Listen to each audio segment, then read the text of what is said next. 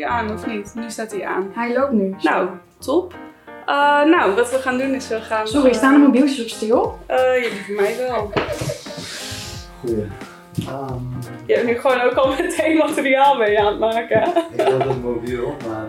Oké, oké, oké, oké. Oké, oké, dicht bij mezelf houden. Ja, hou het klein, hou het dicht bij jezelf. Uit het leven gegrepen, ja. Yes. Uh, nou ja, goed. Uh, welkom, hallo bij de Stuka-cast. nice. uh, we zijn bij Ferrat Kaplan thuis, dus eigenlijk moet ik niet welkom zeggen, maar um, ja, hi. nee, ik vind het fijn dat je je comfortabel genoeg voelt om mensen welkom te heten in mijn huis, dat is goed. Oké, dat is mooi. en we, noemen de, we nemen de Stuka-cast op omdat we, ja, normaal gaan we bij studenten thuis, um, gaan we, ja vette optredens bekijken. En dit jaar is een van die vette optredens, nou ja, niet in een studentenhuis, maar in het huis van iemand anders, gedaan door uh, Ferrat Kaplan dus. En uh, daarom zijn we bij hem op bezoek en gaan we hem wat vragen stellen die je anders in die studentenkamer aan het einde van zijn optreden aan hem had kunnen vragen. Dus uh, we gaan gewoon eventjes kletsen over theater, over maken, over nou, je voorstelling en wat er op tafel komt. Um, ja, kan je jezelf gewoon kort even voorstellen en wat je doet, uh, hoe je in het leven staat? Vertel gewoon wat je wilt vertellen. Tuurlijk. Ik ben Ferhat Kaplan. Um, hoe ik in het leven sta. Ik ben een romanticus. Ik ben altijd op zoek naar inspiratie of geïnspireerd worden. En uh, daarin vind ik het belangrijk om soms wel een uh, activistische stem te hebben. Dus uh, verhalen te vertellen die niet verteld zijn. Of verhalen te vertellen die op het moment staan om kwijt te gaan. Uh, die verhalen ja, presenteren aan mensen, zodat zij weer geïnspireerd kunnen worden met de dingen waardoor ik geïnspireerd ben geworden. Ja, en nu doe je dat eigenlijk via theater. Klopt. Um, kan je daar wat over vertellen? Hoe ben je bij theater terechtgekomen? Nou, ik ben, ik heb als kind heb ik uh, zeven jaar lang of zes jaar lang, ik weet niet precies meer, heb ik uh, jeugdtheater gedaan aan het Centrum van de Kunsten Bergen op Zoom. en uh, daar deden we voornamelijk muziektheater, soms een musical, soms alleen theater. En dan waren we elk jaar bezig met één voorstelling. En dan deden we het aan het einde van het jaar opvoeren voor scholen en voor je mama en papa. Allemaal heel schattig. En uh, toen heb ik eigenlijk heel lang er niks meer mee gedaan. En toen op een gegeven moment toen ik ben verhuisd naar Amsterdam, dacht ik, ik mis iets in mijn leven. Wat is het, wat is het? En dacht ik theater. En toen heeft een uh, goede vriendin van mij, slash mijn regisseur, nu bij heel veel uh, stukken, die heeft mij eigenlijk soort van binnengeloodst bij een uh, bij Live Your Story. Dat, en daar ben ik begonnen eigenlijk. En vanuit daar is het balletje gaan rollen. Um, heb ik heel veel producties gedaan en nu um, zit ik meer in het makerschap. Ja. Ja, wat tof. Wat, wat cool dat je daar zo in bent gerold. En je zegt ook, ik ben eigenlijk altijd een beetje activistisch ingesteld. Uh, heb je een idee waar dat vandaan komt? Het is niet altijd activistisch ingesteld per se. Mm -hmm. um, het is de afgelopen jaren wel uh, meer aan de hand geweest, omdat ik vaak zelf. Kijk, als je heel veel onrecht meemaakt, dan wil je gewoon schreeuwen. Je wilt iets doen, je wilt een tegengeluid maken. En ik vind uh, kunst daarvoor, in, in dit geval theater, vind ik daar, ja, dat is de perfecte middel. Want je kan hier muziek, je kan hier geluid, je kan hier woorden, beelden, je kan alles samenbrengen. Dus alle emoties die je wilt tonen, die kan je tonen. Op schilderij is het anders. Dan moet je iemand raken op beeld. Maar op theater kan je iemand raken met heel veel zintuigen. Maar je schildert ook. Ja, ik schilder ook. maar dat, dat is voor jou wel een andere, andere kunstvorm. Klopt, ja. Het schilderen, het, het, het beeldende kunst is voor mij meer een soort van... Oh, ik ben nu heel depressief en gestrest en ik moet iets doen, dus dan ga ik schilderen. Ja, ja, het dus is een soort is... van hele persoonlijke uiting. Okay. Het is heel, uh, heel erg van mezelf, ja. En theater maak je echt voor een ander? Klopt, ja. Oké, okay. ja. okay. En um, voor ons heb je je voorstelling Privileges van een gast. Ja. Zeg ik dat goed? Ja, ja, wel, ja. heb je gespeeld in een verkorte versie. Uh, ja. Hoe is die voorstelling tot stand gekomen? Want volgens mij heb je die gemaakt in de quarantaineperiode. Klopt, ja.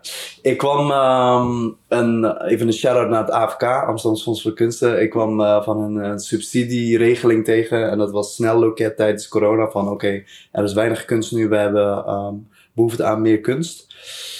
En toen dacht ik, ik moet daar iets mee doen. En uh, voordat het corona Oké, laat ik teruggaan. Op een dag stond ik onder de douche. En ik keek naar mijn douchekop en ik had een regendouche. En ik dacht, wow, mijn douche is zo luxe.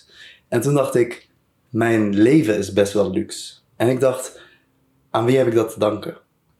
Ik dacht, oké, ik ben misschien wel Turks van komaf. En uh, ik ben misschien wel een paar, wel vaker aangehouden voor geen reden of achterna gezeten in de supermarkt. Maar aan wie heb ik te danken dat ik onder deze regendouche sta?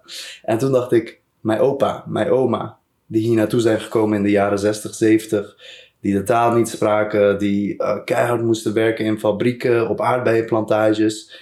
En dankzij hun leef ik een beetje de luxe leven die ik heb. Dus ik voelde heel erg van, ik moet ze bedanken. Ik moet iets doen. Toen heb ik een, soort van brief geschreven aan mijn opa en oma om ze te bedanken. Mijn opa en oma spreken geen Nederlands, dus uh, ze spreken wel Nederlands, maar kunnen niet echt heel goed lezen. Um, maar, maar die brief stond meer symbool voor mijn uh, gratitude. En die brief had ik uh, doorgestuurd naar een aantal andere mensen van kleur. En van iedereen kreeg ik prachtige reacties. En toen dacht ik, oh, ik moet hier iets meer mee doen. Maar normaliter schoof ik dat weg voor een uh, etentje of voor een feestje of voor wat dan ook. Alleen tijdens corona eh, had ik heel veel tijd om te denken. En toen ging ik denken en denken en denken. En ik dacht, oké, ik geniet van privileges. Misschien wel minder dan de witte man, maar ik geniet van privileges. Wat zijn deze privileges? Aan wie heb ik die te danken? Um, hoe ga ik ermee om? En uh, toen heb ik een subsidieaanvraag gedaan bij het AFK en zij, zij hebben die toen gehonoreerd. En toen ben ik aan de slag gegaan. Toen ben ik mensen uit de eerste, tweede en derde generatie gastarbeiders tussen aanhalingstekens gaan interviewen van oh, hoe maak jij dit allemaal mee en wat was voor jou moeilijk? En ik dacht in eerste instantie dat de eerste generatie gastarbeiders, dus mijn oma en opa, heel veel last hadden van racisme. En ik dacht, oh, ik heb zoveel last van racisme, hoeveel hebben zij dan wel niet gehad? En toen kwam ik tijdens het interview en tijdens de onderzoeksfase, kwam ik er al snel achter dat zij zeiden van, oh, racisme, nee, hè? waar heb je het over? Wij voelen dat niet. En de derde generatie mensen die ik interview, die waren heel erg van, oh jawel, heel erg, elke dag, elke week of wat dan ook. Het is, het, het, het is onderdeel van mijn leven. Hoe erg is dat? En um, toen kwam ik er dus achter dat uh, de eerste generatie gastarbeiders niet werkte met Nederlanders, maar voor Nederlanders. Niet bevriend waren met Nederlanders, maar alleen met Turkse mensen. En dat eigenlijk de derde generatie gastarbeider, tussen aanhalingstekens nogmaals, um, de eerste generatie is die echt samenkomt met Nederlanders. En dat daardoor uh, bepaalde problemen ontstaan. En hoe gaan we met die problemen om? Wat zijn die problemen? Hoe kunnen we ze oplossen? Uh, daar gaat het privilege van de gast eigenlijk over. En zo is het tot stand gekomen. Ja, dus het kwam eigenlijk uit een soort dankbaarheid. En gedurende ja. het proces kwam je ook een beetje in, de, nou ja, in dat racisme terecht wat jij zelf ervaart, als ik dat goed zeg. Ja, precies. Ja. Dus de voorstelling gaat eigenlijk, het heeft een paar thema's. Mm. Um, de thema's zijn familie, mm. zijn uh, omgaan met racisme, zijn mijn privileges, en uh, mijn cultuur, hoe die verweven is geraakt. Want mijn cultuur is niet alleen de Turkse cultuur, maar ook de Nederlandse cultuur. Hoe die dingen uh, ver, verwoven of verweven zijn geraakt ja, door de tijd heen en wat het nou allemaal betekent. Dus het is eigenlijk een soort van identiteitscrisis die ik probeer bloot te leggen.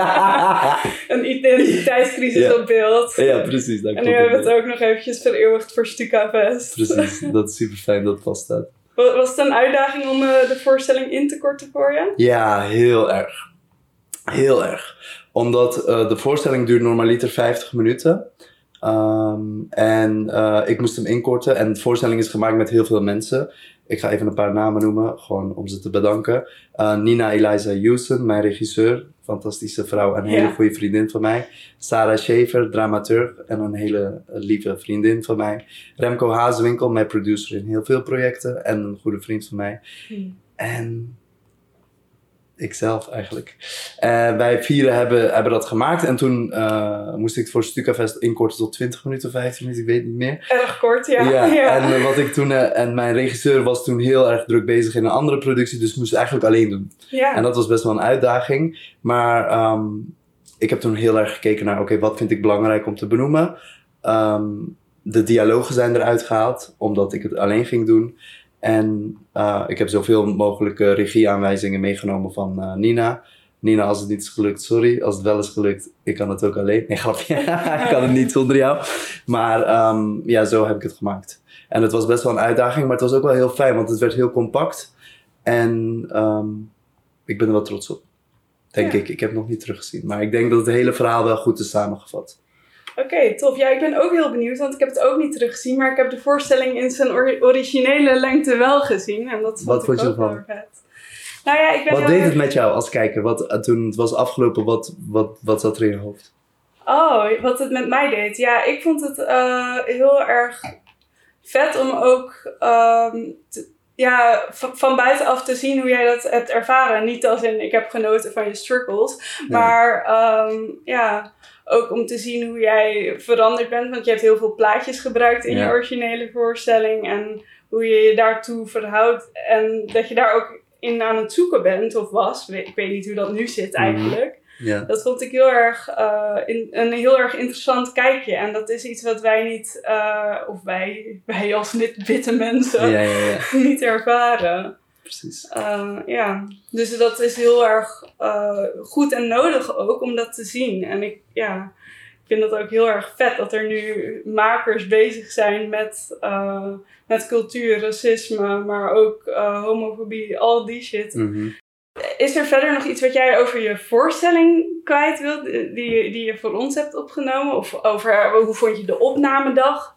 Dat vind ik trouwens wel interessant. Ja, de opnamedag. Oké, ik ga het beschrijven. Ja, hoe die, was dat? Die dag was ik heel moe. Ik kwam van een andere optreden. Of ik had al, ik had drie, ik had al drie keer gespeeld. Of ik had al gerepeteerd. Of er was iets. En ik kwam aan bij het huis van iemand anders. En ik was moe. En de deur was dicht. En ehm, Tim Knol die stond ook voor de deur. We waren een beetje verward van... Moeten we hier zijn of waar moeten we zijn? Toen kwamen we binnen en toen werden we super lief ontvangen. We kregen ons drankje. Ehm, de ruimte was rood. Moulin Rouge meets Berlijn, Berghain-achtig. Wat ik wel fijn vond. En ehm, ja, het was super fijn. Het ging heel goed. Het was, eh, ik voelde me al wel heel snel thuis. Ik heb daar niet heel veel moeite mee om ergens thuis te voelen, maar het ging wel goed. En eh, ja, het, het was allemaal.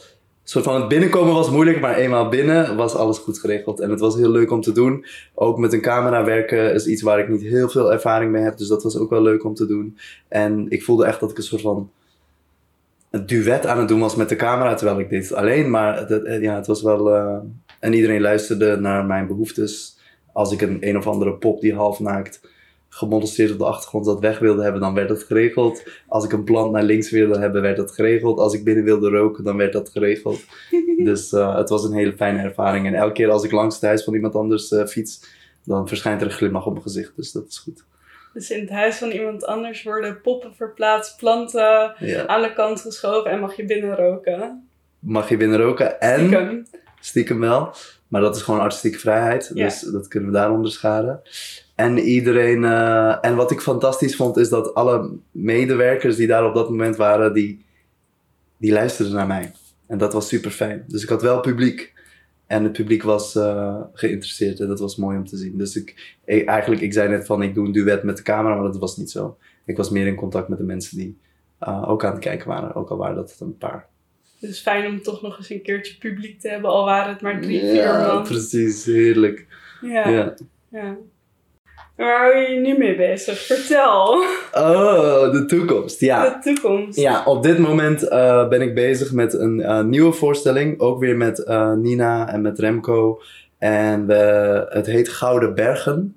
En het gaat in première op het Reuring Festival bij Podium Mozaïek. Podium Mozaïek is een prachtige plek waar ik vorig... Ik denk anderhalf jaar geleden was ik daar voor het eerst geweest. En toen ik daar binnenkwam, viel me één ding meteen op. En dat was dat ik de wijk zag in het publiek. Zeg maar, normaal ga je naar de Frascati of naar Ita of wat dan ook. En dan kom je binnen, iedereen houdt zijn mond, houdt zijn bek dicht. Het begint. Maar bij podiummuziek was het anders. Je kwam binnen, mensen waren aan het lachen, schreeuwen, kletsen. Er was echt een buitenlandse vibe. En die buitenlandse vibe die had ik nog nooit meegemaakt in theater. En nu zag ik dat. En ik zag dat en ik dacht, hier moet ik optreden. En toen heb ik dus eh privilege van een gast eh, opgestuurd naar eh Podium Mozaïek. Naar Inge. Ook shout-out naar Inge. Je bent een prachtmens.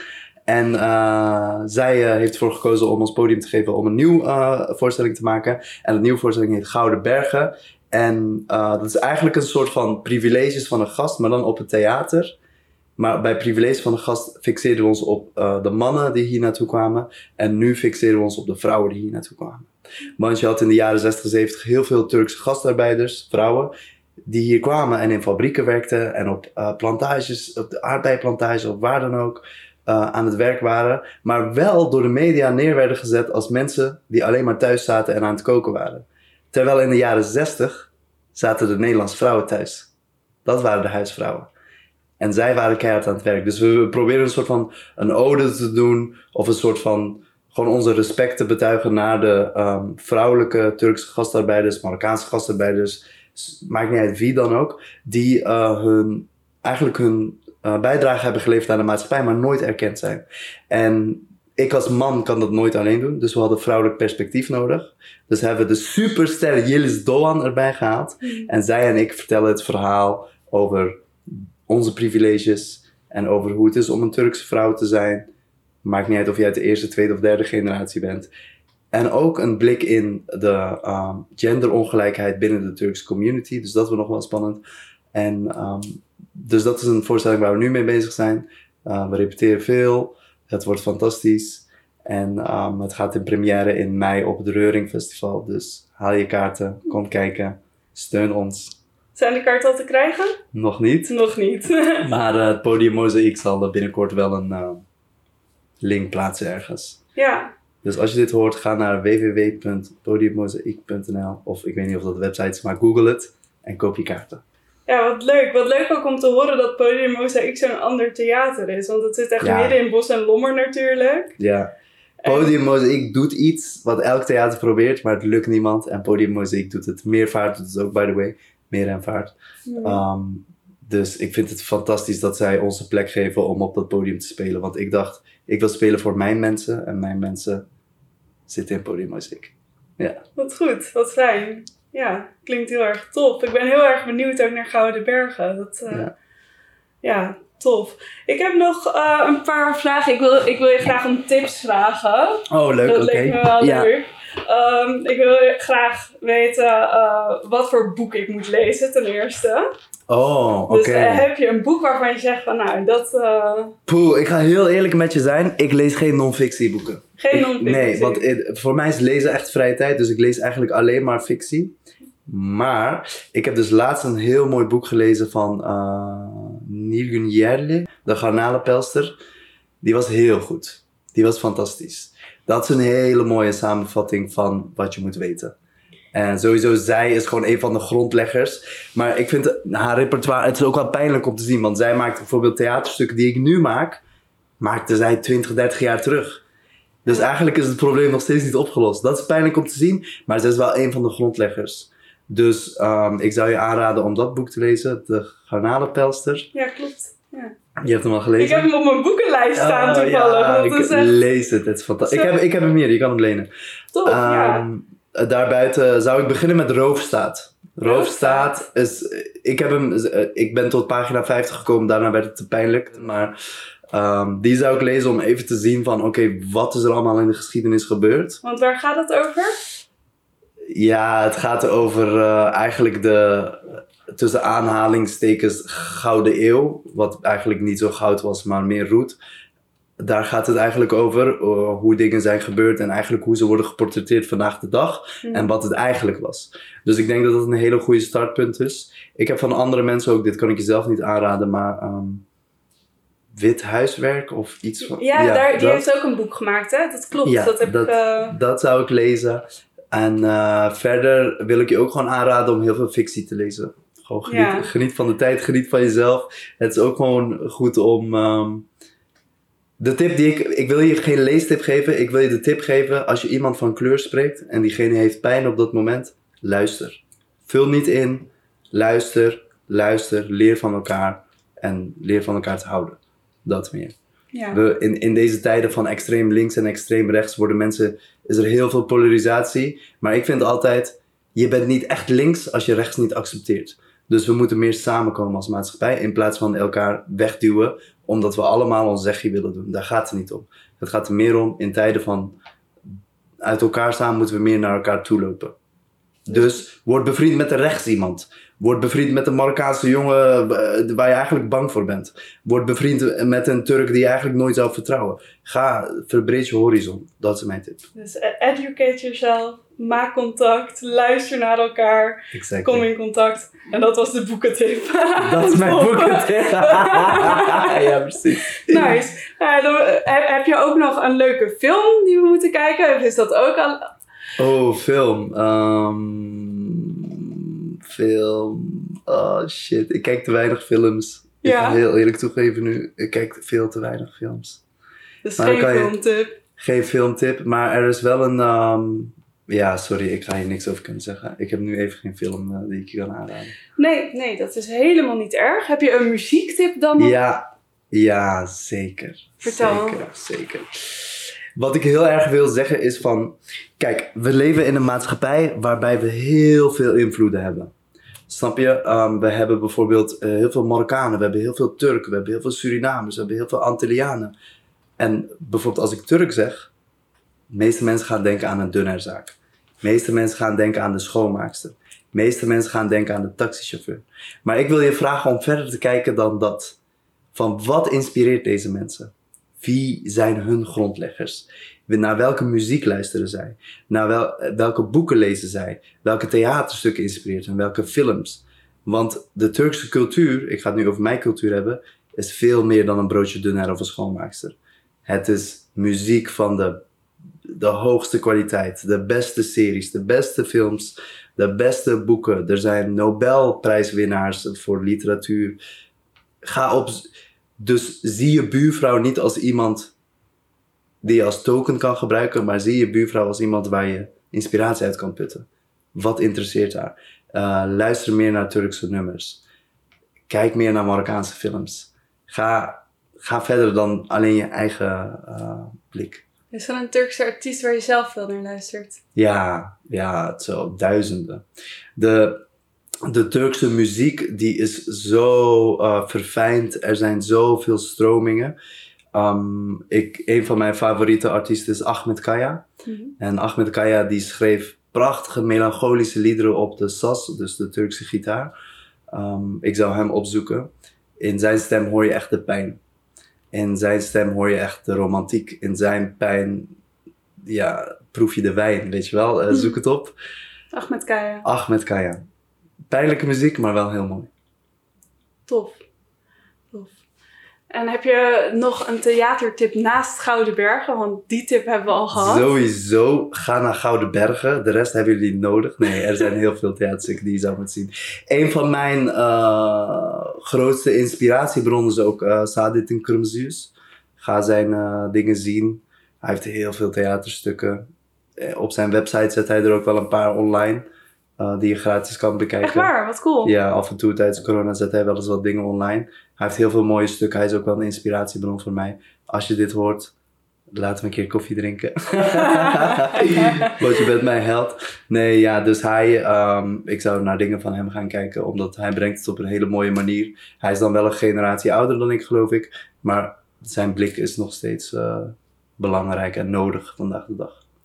Oké, oké. Want hij, hij maakt ook dingen vanuit zijn eigen cultuur? Of?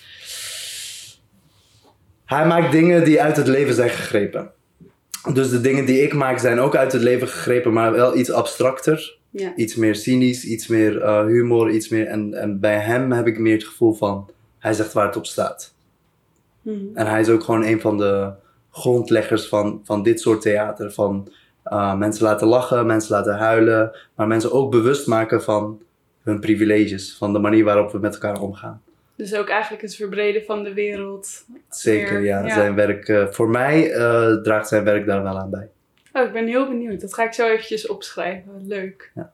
Dat kunnen we ook eventueel trouwens wel even ergens eronder inzetten. Dan uh, ja, kan je er ook op klikken. Ja. Denk ik. Ben niet Ga naar zijn website. Ga naar zijn website. Dit is ook iets wat Turken altijd doen. Weet je wat Turken doen? Turken zijn fucking nationalistisch. Dus zeg maar, als een andere Turk iets doet, dan zijn we van, je moet dat zien. Het is fucking fantastisch. Turken, dit, dat en dat is... En maar het is ook wel iets moois, want we helpen elkaar. En we zijn heel erg bezig met elkaar helpen. Maar daarbuiten, de kwaliteit is ook hoog. Dus ga Ja. het kijken. Um, skip je kaartje voor de ITA. En ga naar uh, zijn Geen voorstelling. Romeinse tragedies uh, op, dat. op Valentijnsdag. Die Romeinse tragedies, die kennen we nou wel. Het is, het is allemaal heel duidelijk. Het is prachtig, fantastisch, heel mooi. Geen disrespect, maar ehm, niet elke dag Romeinse tragedies gaan kijken. Kijk ook een keer naar iets anders. Zo is dat. Ja. Nou, prachtig. Ik denk dat, eh, dat we heel wat hebben besproken en dat Leuk. ik het een leuk gesprek vond. En eh, ik wil je heel erg bedanken dat je ons hebt ontvangen hier in dit eh, ja, prachtige huis. Dicht bij het huis van iemand Ja, anders. inderdaad, om de hoek.